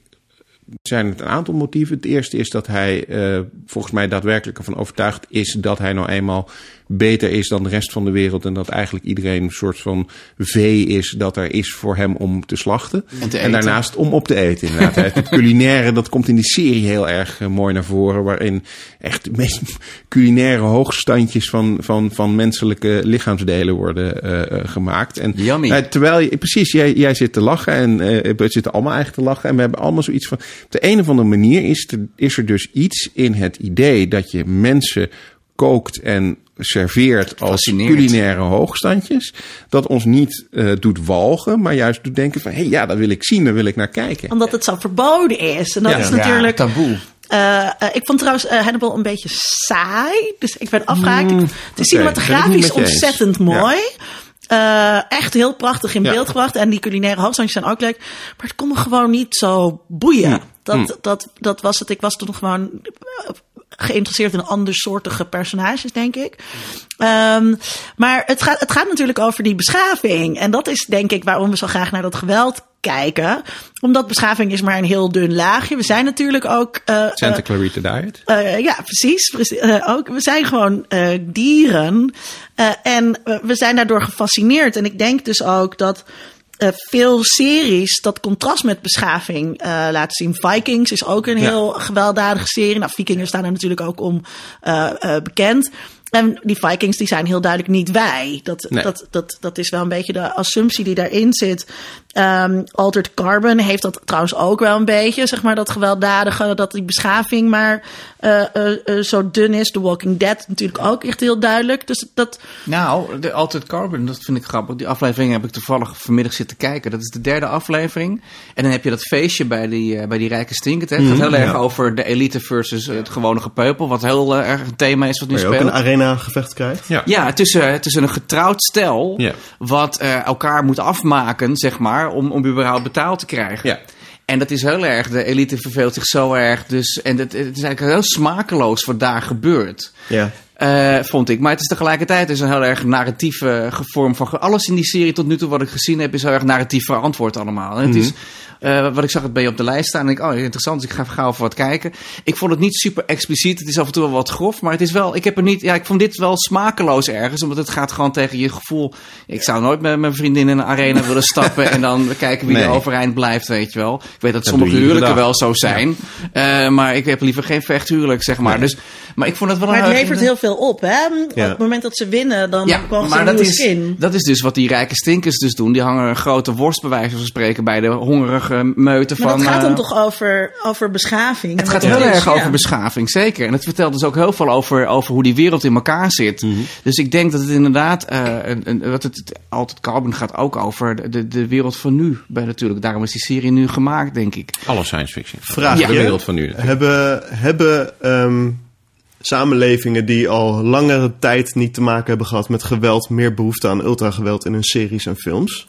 Ik kan me voorstellen dat als je in Syrië woont, dat je minder geneigd bent om te gaan kijken naar, eh, Nee, dat naar iets heel gewelddadigs, omdat, je dat, omdat het je realiteit is. Ja. Ja. Ja. Ik denk wel dat daar wel een Er verband zit in zou zitten. Ergens een soort escapisme en, en misschien ook de, het ultrageweld gebruiken als een soort van... het was al eerder genoemd, eh, een soort uithoudingstest... om met elkaar te kijken... Oh, kijken, kijken, kijken hoe, hoe lang we dit kunnen kijken... zonder dat we door onze vingers gaan kijken. Ja, ontlading is het ook. Catharsis, zeg maar, ja, denk ontlading, maar inderdaad ook een soort confrontatie met, eh, eh, met dat geweld. En daardoor dus nadenken over, eh, over de maatschappij en over hoe gewelddadig de maatschappij Kan eh, zijn. Kan zijn, Of is, inderdaad. ja. hè. Bijvoorbeeld, eh, ja, ik zie toevallig hier eh, Robocop en Ed eh, eh, staan.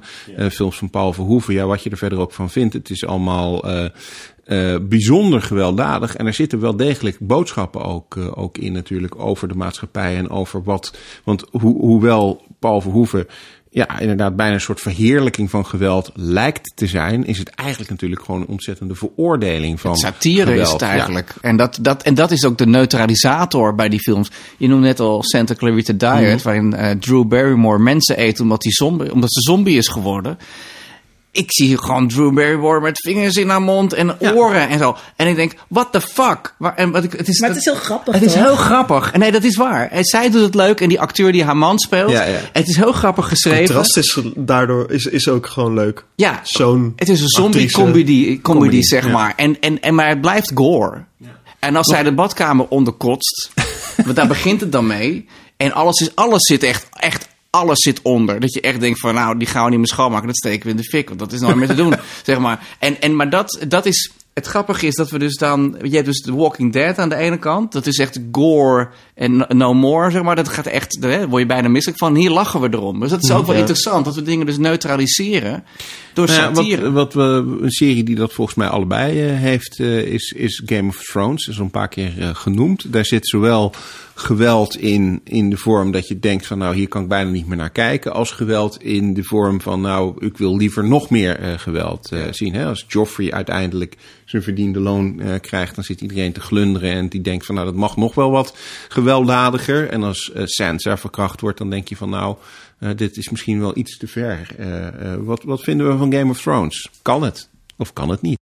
Van mij mag heel veel altijd. Mhm. Dus ik ben nooit degene die, die, die zegt het, het kan niet. Wat kon niet, Linda, in Game of Thrones? In Game of Thrones heb ik niks gevonden wat niet kon. Maar, eh, maar ik vond bijvoorbeeld Brimstone, de film van Martin Koolhoven, dat vond ik echt niet kunnen. Dat Guy was eh, de- zo'n beetje de ene, het enige moment ooit ook dat ik dat gehad heb, dat ik dacht, nou, dit was echt nergens voor nodig. Wat gebeurde er in Brimstone? In Brimstone zit heel veel geweld tegen vrouwen. Ja. Maar ook alleen, vooral eigenlijk alleen maar tegen vrouwen. En het, is, en het is heel, heel ziek ook. En het is ook echt met kleine kinderen. Dat je ook denkt, nou, die actrice die dat heeft moeten spelen, dat vond ik ook niet helemaal ethisch oké. Grote spanning. En het, en het verhaal wat er nou in verteld wordt, dat, dat, dat, dat heeft niet al dat geweld nodig. Ik vond het heel gratuit. Ja, dus dat ik was. vond Brimstone heel erg goed. Maar goed, ja, ja. Nou, het was leuk je te kennen, Sydney. Maar, maar dus ik, in Game of Thrones heb ik dat niet gehad. En heb ik me wel, zit ik me dus wel echt te verheerlijken. Verlekkeren ja. aan het geweld. En dus eh eh eh, heb Ramsey die dan... ehm, eh, hoe- heet hij ook weer? Het slachtoffer van Ramsey met de... Die die Eh, castreert. Theon. Oh, Theon, ja. En hoe, hoe noemt hij ook Theon weer? Greyjoy. Reek. Reek. Reek, ja, precies. En, en eh, dat hij hem castreert en dan vervolgens gaat hij een worstje eten. Ja. Ja.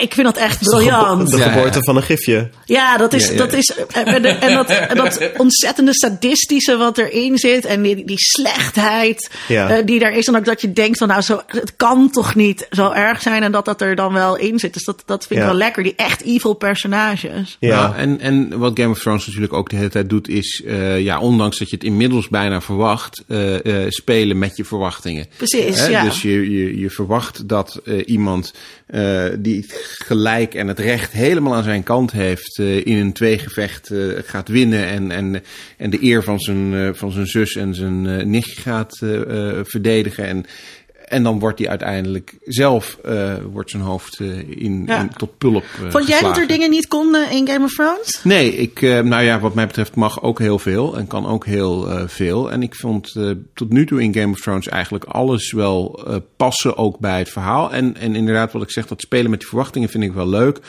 Omdat het daardoor ehm, ja, niet zo gratuit eigenlijk is. Omdat er ook mensen zijn die eigenlijk zouden verdienen dat ze niet doodgaan. Of, of juist die verdienen om wel dood te gaan. Waarbij het de hele tijd niet eh, eh, gebeurt. En dat vind ik Die juist willekeur. wel... Ja, die willekeur Ja. vind ik wel heel interessant. En dat voelt dus ook heel erg historisch. Eh, het is natuurlijk een fantasy-serie, maar wel Ja. eh, eentje die zogenaamd afspeelt in een tijd eerder dan onze. Dat je ook denkt, ja, dat was natuurlijk ook een hele vrede tijd. En je had Ja. ook gewoon koningen die knettergek waren. Ja. En die dat, weet je, die, die, Maar het- die dat Ja, eh, en sterker deden. nog, de, de, de koppeling naar de wereld waarin we nu leven, waarin je eh, moet concluderen: het gaat niet altijd goed met de, goe- de goede mensen en het gaat niet Mhm. altijd slecht met de slechte mensen. Nou ja, Ja. en wat ik eh, interessant ook vind, is de vergelijking toch dan weer even met The Walking Dead. Want bij The Walking Dead is het op een gegeven moment, hè, dat is al genoemd, frustrerend dat eh, er niet op een gegeven moment toch een beetje aan je verwachtingen wordt voldaan. Van nou ja, eh, het is allemaal nu zo vreselijk, het moet wel een keer goed gaan. Ja. Terwijl bij Game of Thrones is dat niet frustrerend. Terwijl het eigenlijk hetzelfde is. Hè? Want ondanks dat je denkt van ja, nu heeft ze ondertussen wel een keer verdiend dat het een keer Ja. goed gaat. Dan gaat het toch weer fout. Maar dat is niet frustrerend. Dat is juist heel interessant en spannend. Ja. Vind jij dat er dingen waren die het niet konden? Nou, Vind je het- vaak dat er dingen zijn die niet kunnen? Nee, ook niet. Ehm, nou, het, het, is, het is vooral wat, wat vaker genoemd is eh, in deze podcast: dat, ehm, dat het moet kloppen binnen de context van het verhaal. Ehm, en ik denk dat het bij Game of Thrones eigenlijk altijd wel het geval is geweest. Dat je met seksuele geweld was het misschien een aantal keren dat ik het idee had van, nou, sommige dingen hadden ze misschien eh, niet zo uitgesponnen hoeven laten zien. Dat is het enige. Maar dat is niet zozeer dat feit dat het gebeurde in, eh, in, in, de, in de scène, maar meer hoe het in beeld is gebracht. Nou, er is natuurlijk wel veel kritiek geweest op eh, Game of Thrones. Met name over het seksuele geweld en de manier waarop vrouwen eh, daar dan mee geconfronteerd eh, worden. Want ik denk dat je in de wereld van Game of Thrones op zich beter een man kunt zijn, heb ik het idee. In bijna alle werelden Oh, kan je beter een man zijn. wij, wij vrouwen worden namelijk onderdrukt. We leven onder het patriarchaat. Ja, en dat. Nog steeds. En dat, en dat zie je heel erg in, in Game of Thrones. En dat zie je iets minder in andere films. Maar ik denk dat dat juist wel goed is. Dat dat zo in beeld gebracht wordt. Dus er is inderdaad heel veel discussie geweest. Ook, is het nou femin, weet je wel, is het antifeministisch? Eh, terwijl er ook heel veel hele sterke personages in zitten. Dus je kan een beetje andere, alle kanten op. Zeker. En ik vind het daar dus juist.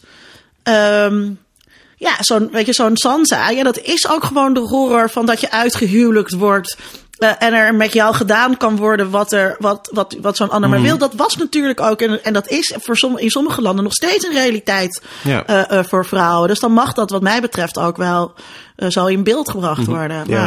En dan hebben we het over hè, de Game of, Game of Thrones is natuurlijk de bewerking van de boeken van George R.R. Martin, eh, de Song of Ice and Fire, waarvan het laatste deel nog steeds niet eh, uit is gekomen. De man duurt wordt, lang eh, vol niks. Ja, hij wordt Hij kijkt alleen maar American football. Ja, nee, maar hij, hij gaat af en toe nog wel eens naar eh, Comic Cons en dat soort dingen. Ja. En dan wordt hij ook echt eh, door fans eh, uitgescholden. Maar dat is omdat toch ook hij nog steeds niet. van hem. Ja, Dat is gewoon een heel sadistische man die je favoriete personages eh, eh, dood laat gaan.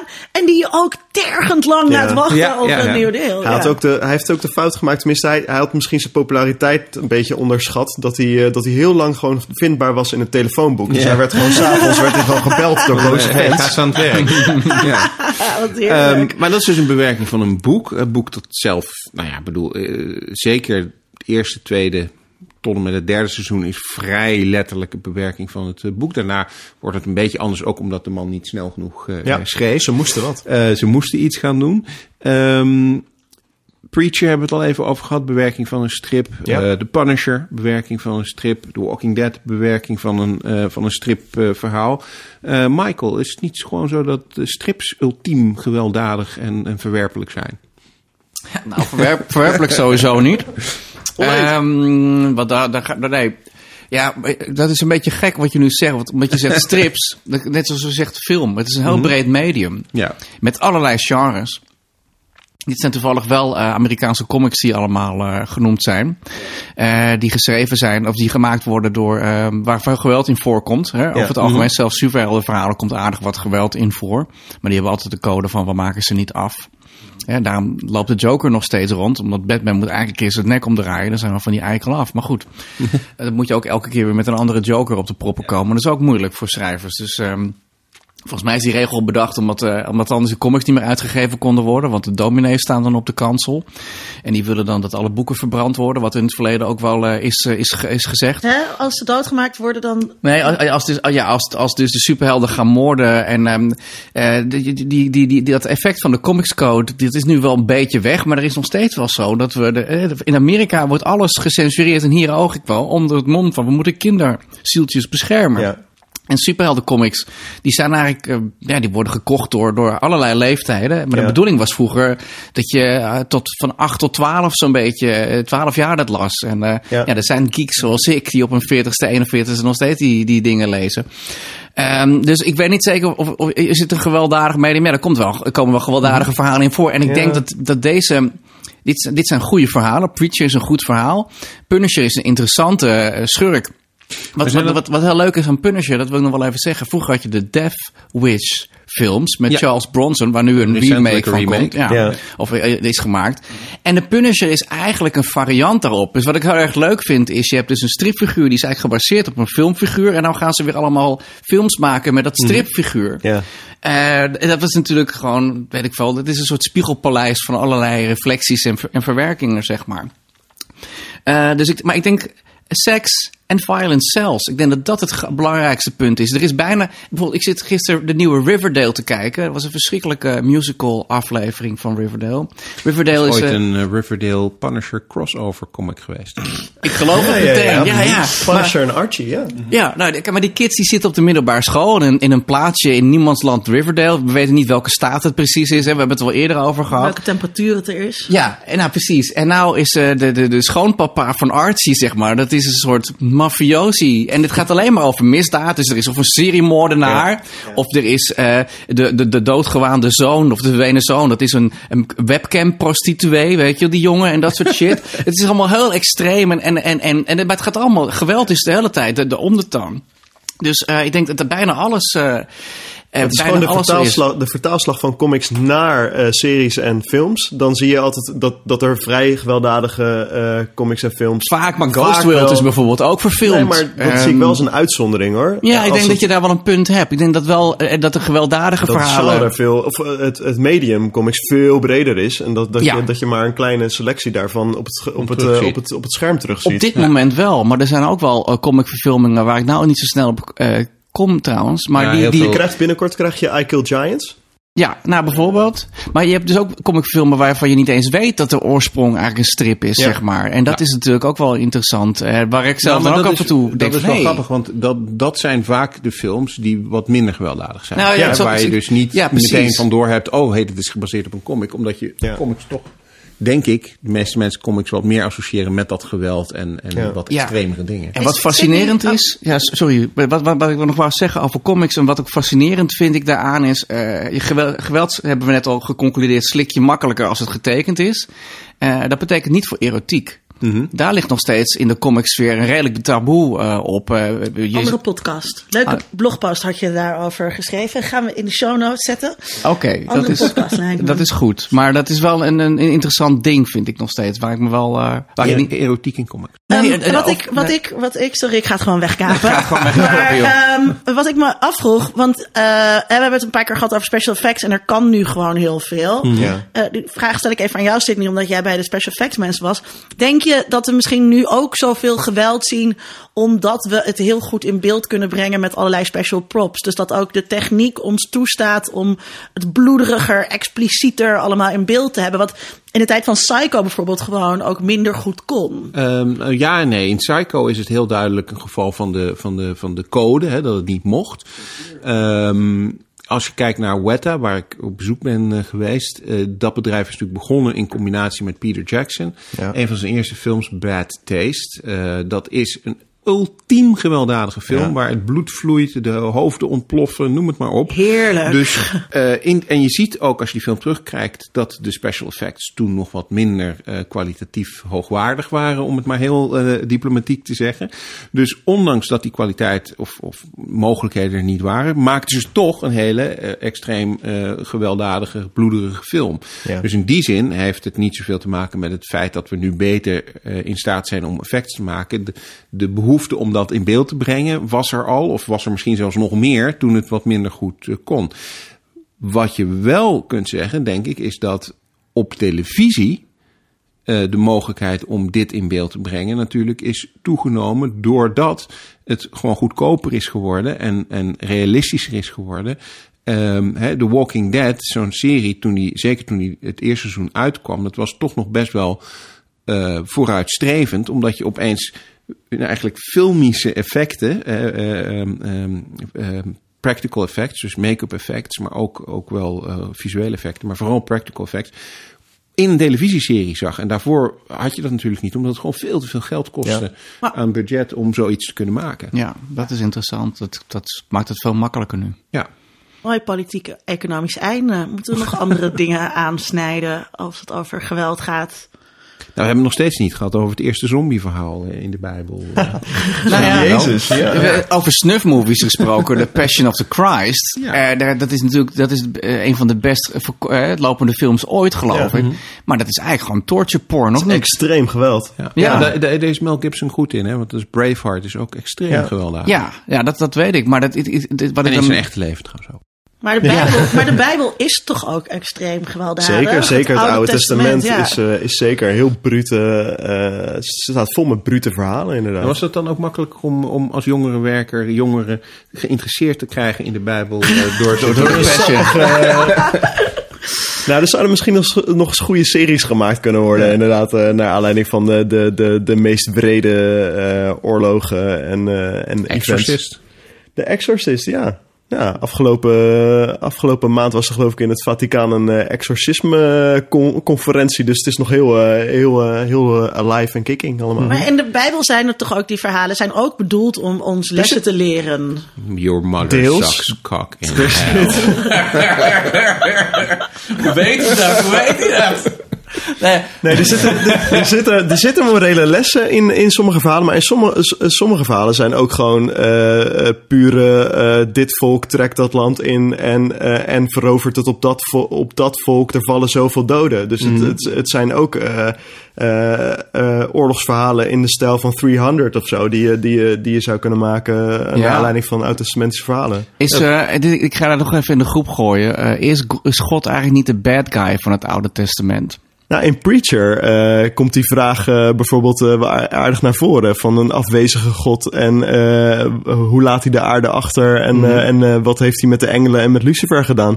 Dat zijn altijd hele leuke thema's om mee te spelen in, eh, in, eh, in de populaire cultuur. Ja. Heb je Lucifer al gezien trouwens, de tv-serie? Nee, niet de tv-serie, nee. Oh, dat heb ik, heb ik het daar al eerder over gehad tot in de Je hebt het al eens podcast. een keer genoemd, maar Ja. het kan nooit kwaad om het nog een keer te doen. Dat is eh, losjes gebaseerd op eh, het personage van Neil Gaiman en, en, en een... en Uit een- Sandman Comics. Ja, uit de Sandman comics. Eh, de duivel die is natuurlijk eh, de, de Lord of the Hell. En door, door zijn vader God aangewezen om dat te doen. Ja. En na zoveel millennia zegt hij, fuck you, ik ga in Los Angeles wonen. Ik begin een nachtclub. Ja. Dat is het uitgangspunt van de serie. Ja. En wat ik heel erg leuk daaraan vind, ik ben zelf een atheïst. Of ik Ja. ben eigenlijk niet een atheïst, ik geloof niet, zeg maar. Want Ik vind het altijd lastig om mezelf te definiëren bij Ja, iets wat ik- je niet bent. ja, precies.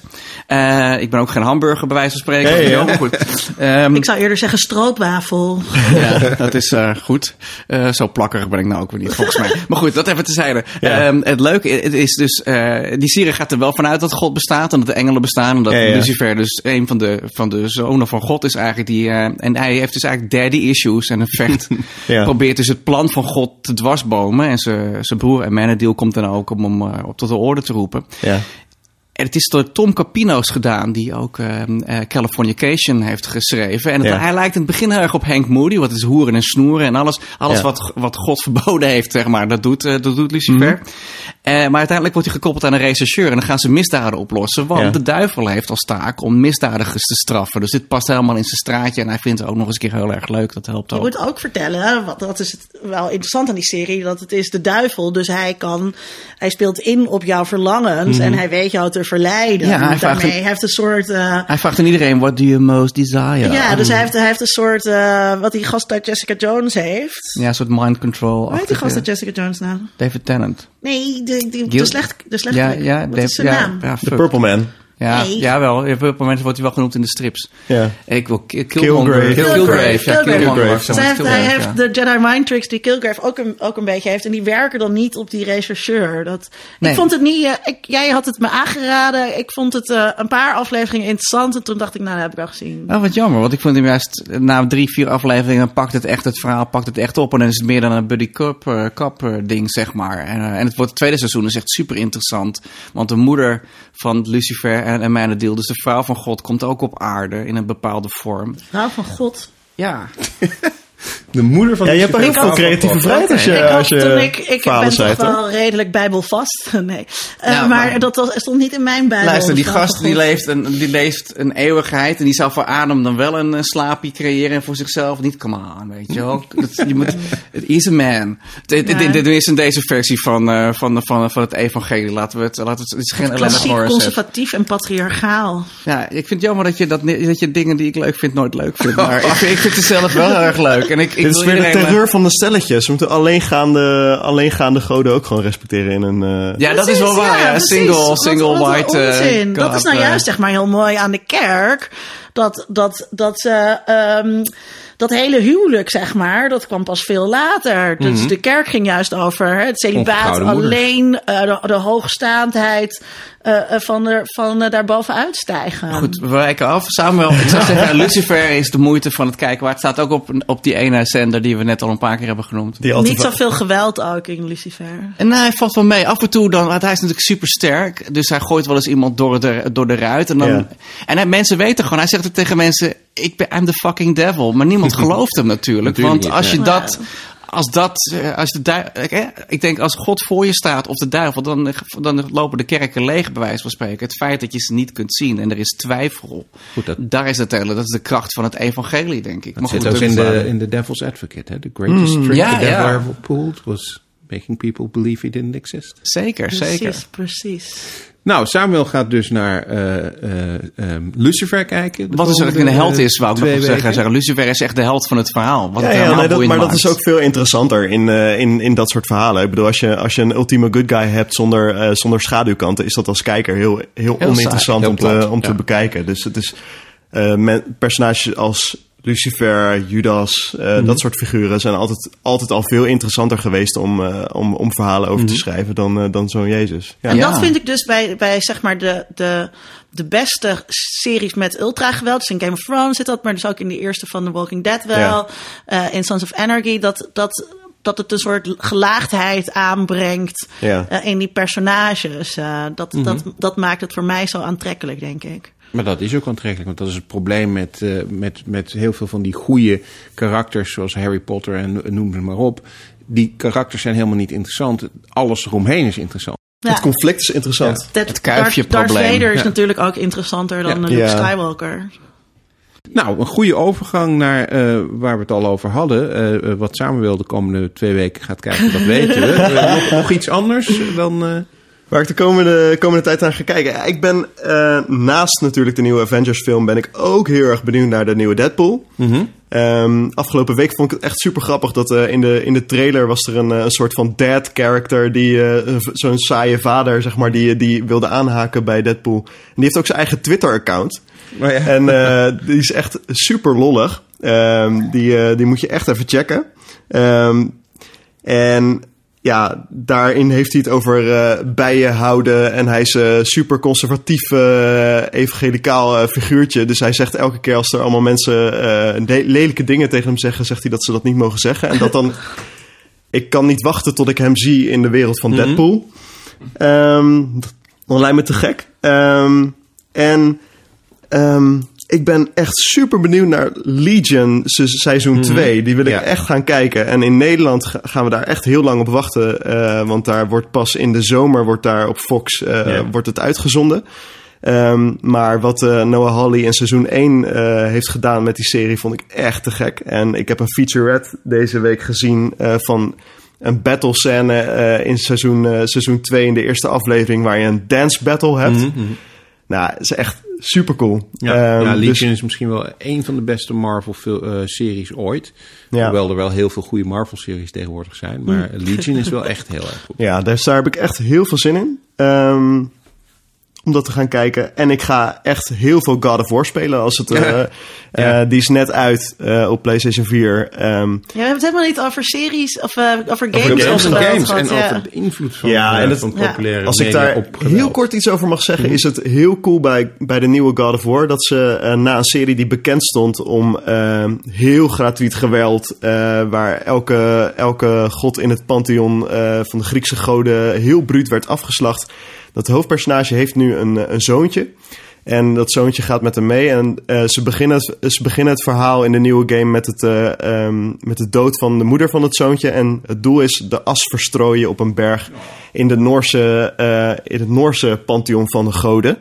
Ehm, en hierbij krijg je gewoon zo'n motiefje wat je heel vaak in ultra eh, gewelddadige eh, films eh, ziet. Van ehm, de bruutheid van geweld. En dan bekijken door het oogpunt van een kind wat nog redelijk unspoiled is. Ja, ja. Ehm, en eigenlijk zien we hier een klein beetje, als ik de- op de eerste uren moet afgaan, een soort van eh, ehm, terugblikken op de roots van de serie. En even weer gaan bekijken hoe giftig masculien die, eh, die eerste games waren. En eh, hoe die dat eigenlijk letterlijk aan zijn zoontje moet uitleggen, wie die is. Dus ik ben heel benieuwd. Het speelt in ieder geval echt super lekker. dus dat ga ik eh, de komende tijd heel veel doen. Ja. Nou, Michael, eh, na de, eh, eh, wat was het ook alweer, de schietpartij naar aanleiding van eh The Dark Knight. eh, gaan we zoiets meemaken met die eh, Avengers nieuwe film? Ik hoop het niet. Nee. Ik hoop het niet. Ik hoop dat mensen weer een keer een pistool, een geweer thuis laten als ze uitgaan. Zeg Juist. maar. Ehm, laat ik het daarop houden. Eh, maar in Amerika weet je het nooit. Het is, een, eh, het is een gewelddadige maatschappij daar. Misschien wel meer dan hier. Maar ik denk dat dat vooral komt hè, omdat het gewoon heel makkelijk is om aan een, Het is daar makkelijker volgens mij aan een wapen te komen dan hier. Ehm, dus... ehm, vergeet, dat is wel established, zeg ja, maar. gelukkig maar. ja, ja, dat Gelukkig is, maar. eh, nou ja, dat, dat, dat is ook zo. Ja. Maar jij gaat eh, als eerste van ons, denk ik, eh, de nieuwe Avengers zien. Ja, dus als deze uitzending online komt, heb ik hem al hem al gezien. gezien. Maar dus, ik weet niet wat mijn toekomstige zelf daarvan gaat vinden. maar Wat verwacht je ervan? wat verwacht ik ervan? Nou, ik heb dit, we, hebben het, we hebben het al eerder over de, over de trailer gehad. Ik Ja. werd eh, emotioneel bij de eerste. Dat komt, de, de muziek alleen al van het theme van die Avengers, die ik nu niet ga nor, neurien. Maar als ik hem hoor, denk ik, oh ja.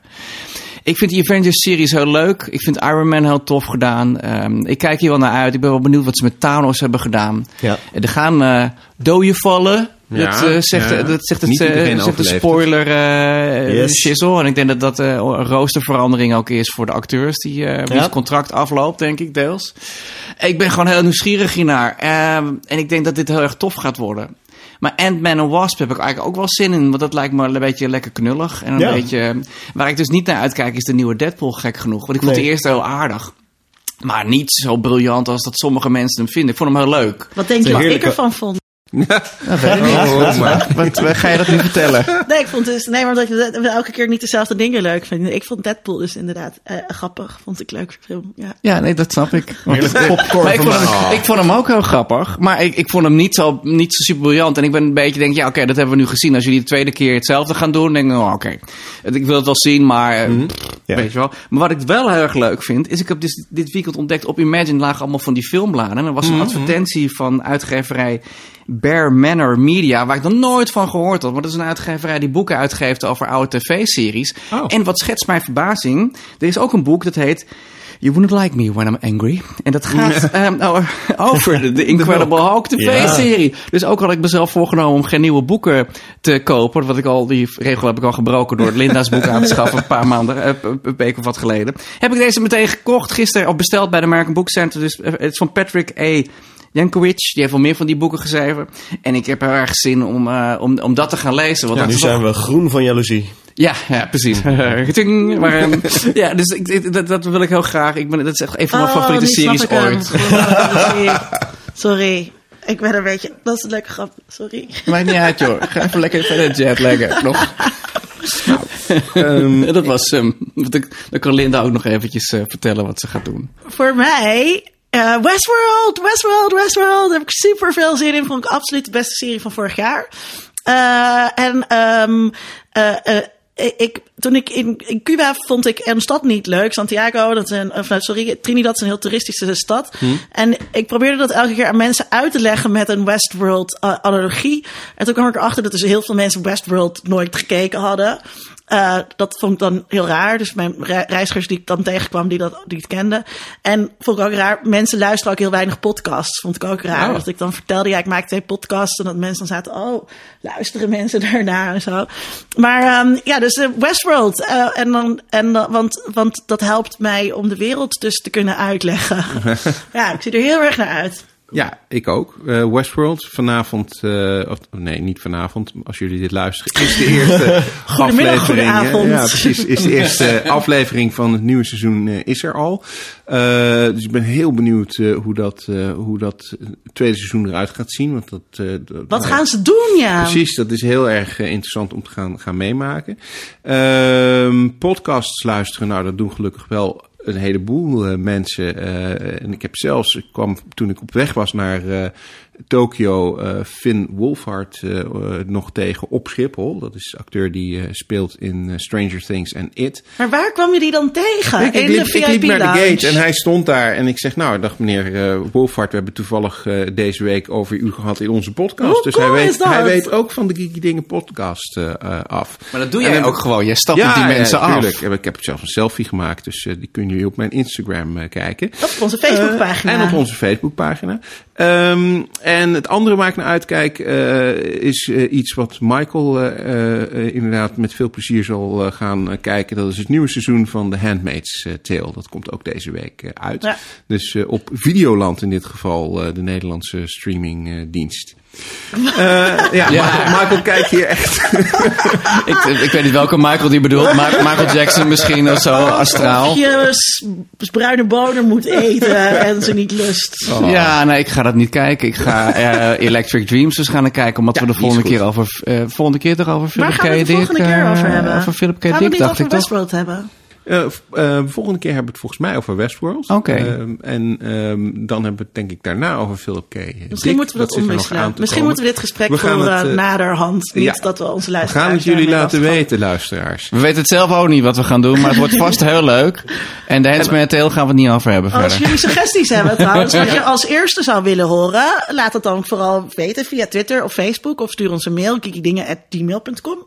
Ja, en like ons vooral ook op uh, social media. Uh, als je niet van Facebook uh, houdt, zoals Michael dat noemt, dan mag het ook gewoon op Twitter. En je kunt ook een recensie achterlaten, bijvoorbeeld op iTunes. En dat helpt niet alleen ons, maar vooral je andere mede-geeks, omdat ze ons makkelijker kunnen vinden als een podcast wat meer recensies heeft gehad. Nou, dit was het weer voor deze ultra gewelddadige Misschien moeten we nog even onze gast heel goed bedanken. En heel erg bedankt inderdaad aan Samuel. Het was leuk, dank jullie wel. Dit was Kiki Dingen.